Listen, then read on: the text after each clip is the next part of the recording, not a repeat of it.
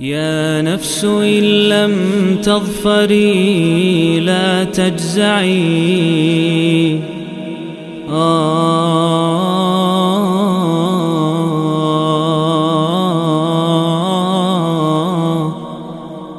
Bismillahirrahmanirrahim Alhamdulillah Wassalatu wassalamu ala rasulillahi amma ba'd Ini adalah pertemuan ke-92 Dari pengajian 114 hari menyambut bulan Ramadan Dan kita di surat Al-Lail Surat Makiyah ini turun setelah surat Al-A'la Dan sebelum surat Al-Fajr Surat Al-Lail terdiri dari 21 ayat Dan disebut dengan nama Al-Lail Diambil dari ayat pertama surat ini Walili idza demi malam ketika sudah menutupi.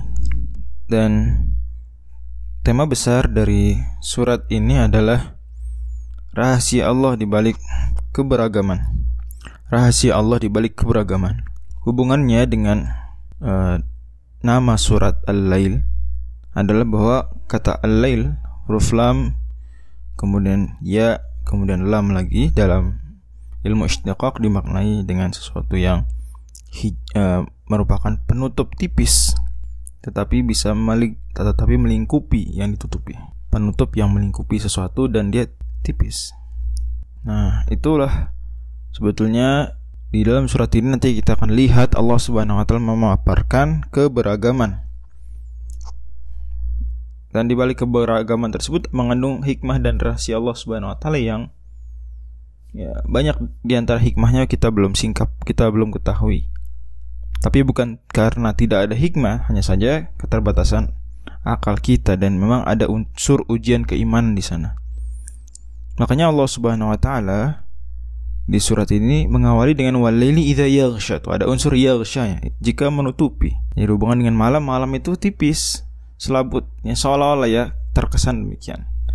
Makanya Allah Subhanahu wa taala di surat Yasin mengatakan wa ayatul lahum wa ayatul lahumul lailu naslahu minhun nahara fa idahum mudlimun.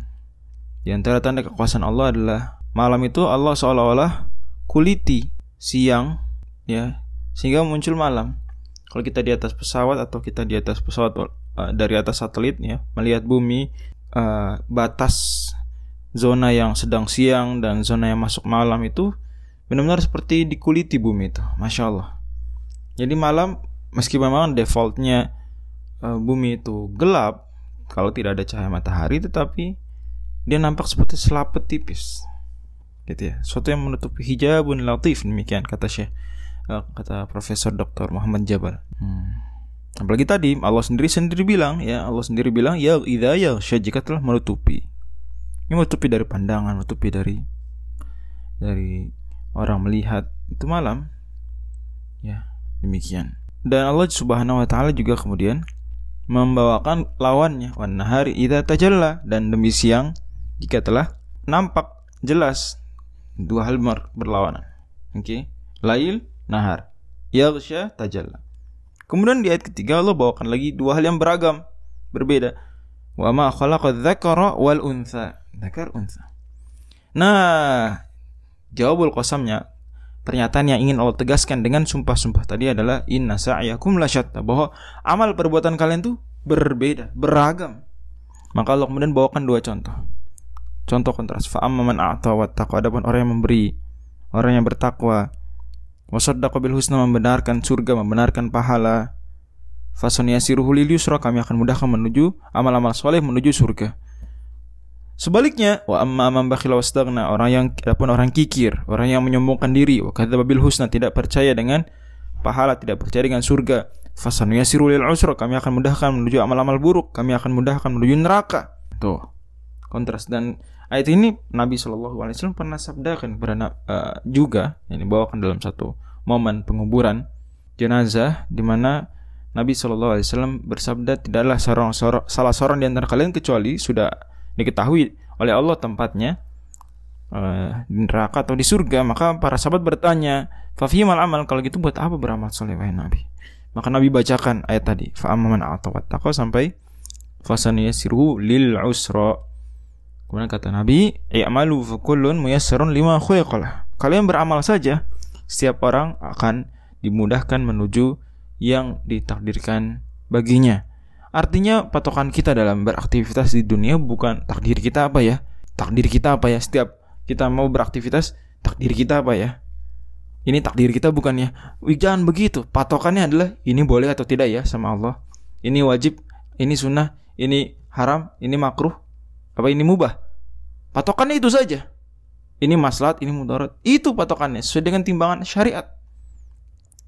Ya, adapun ini urusan itu takdir atau bukan itu bukan urusan kita.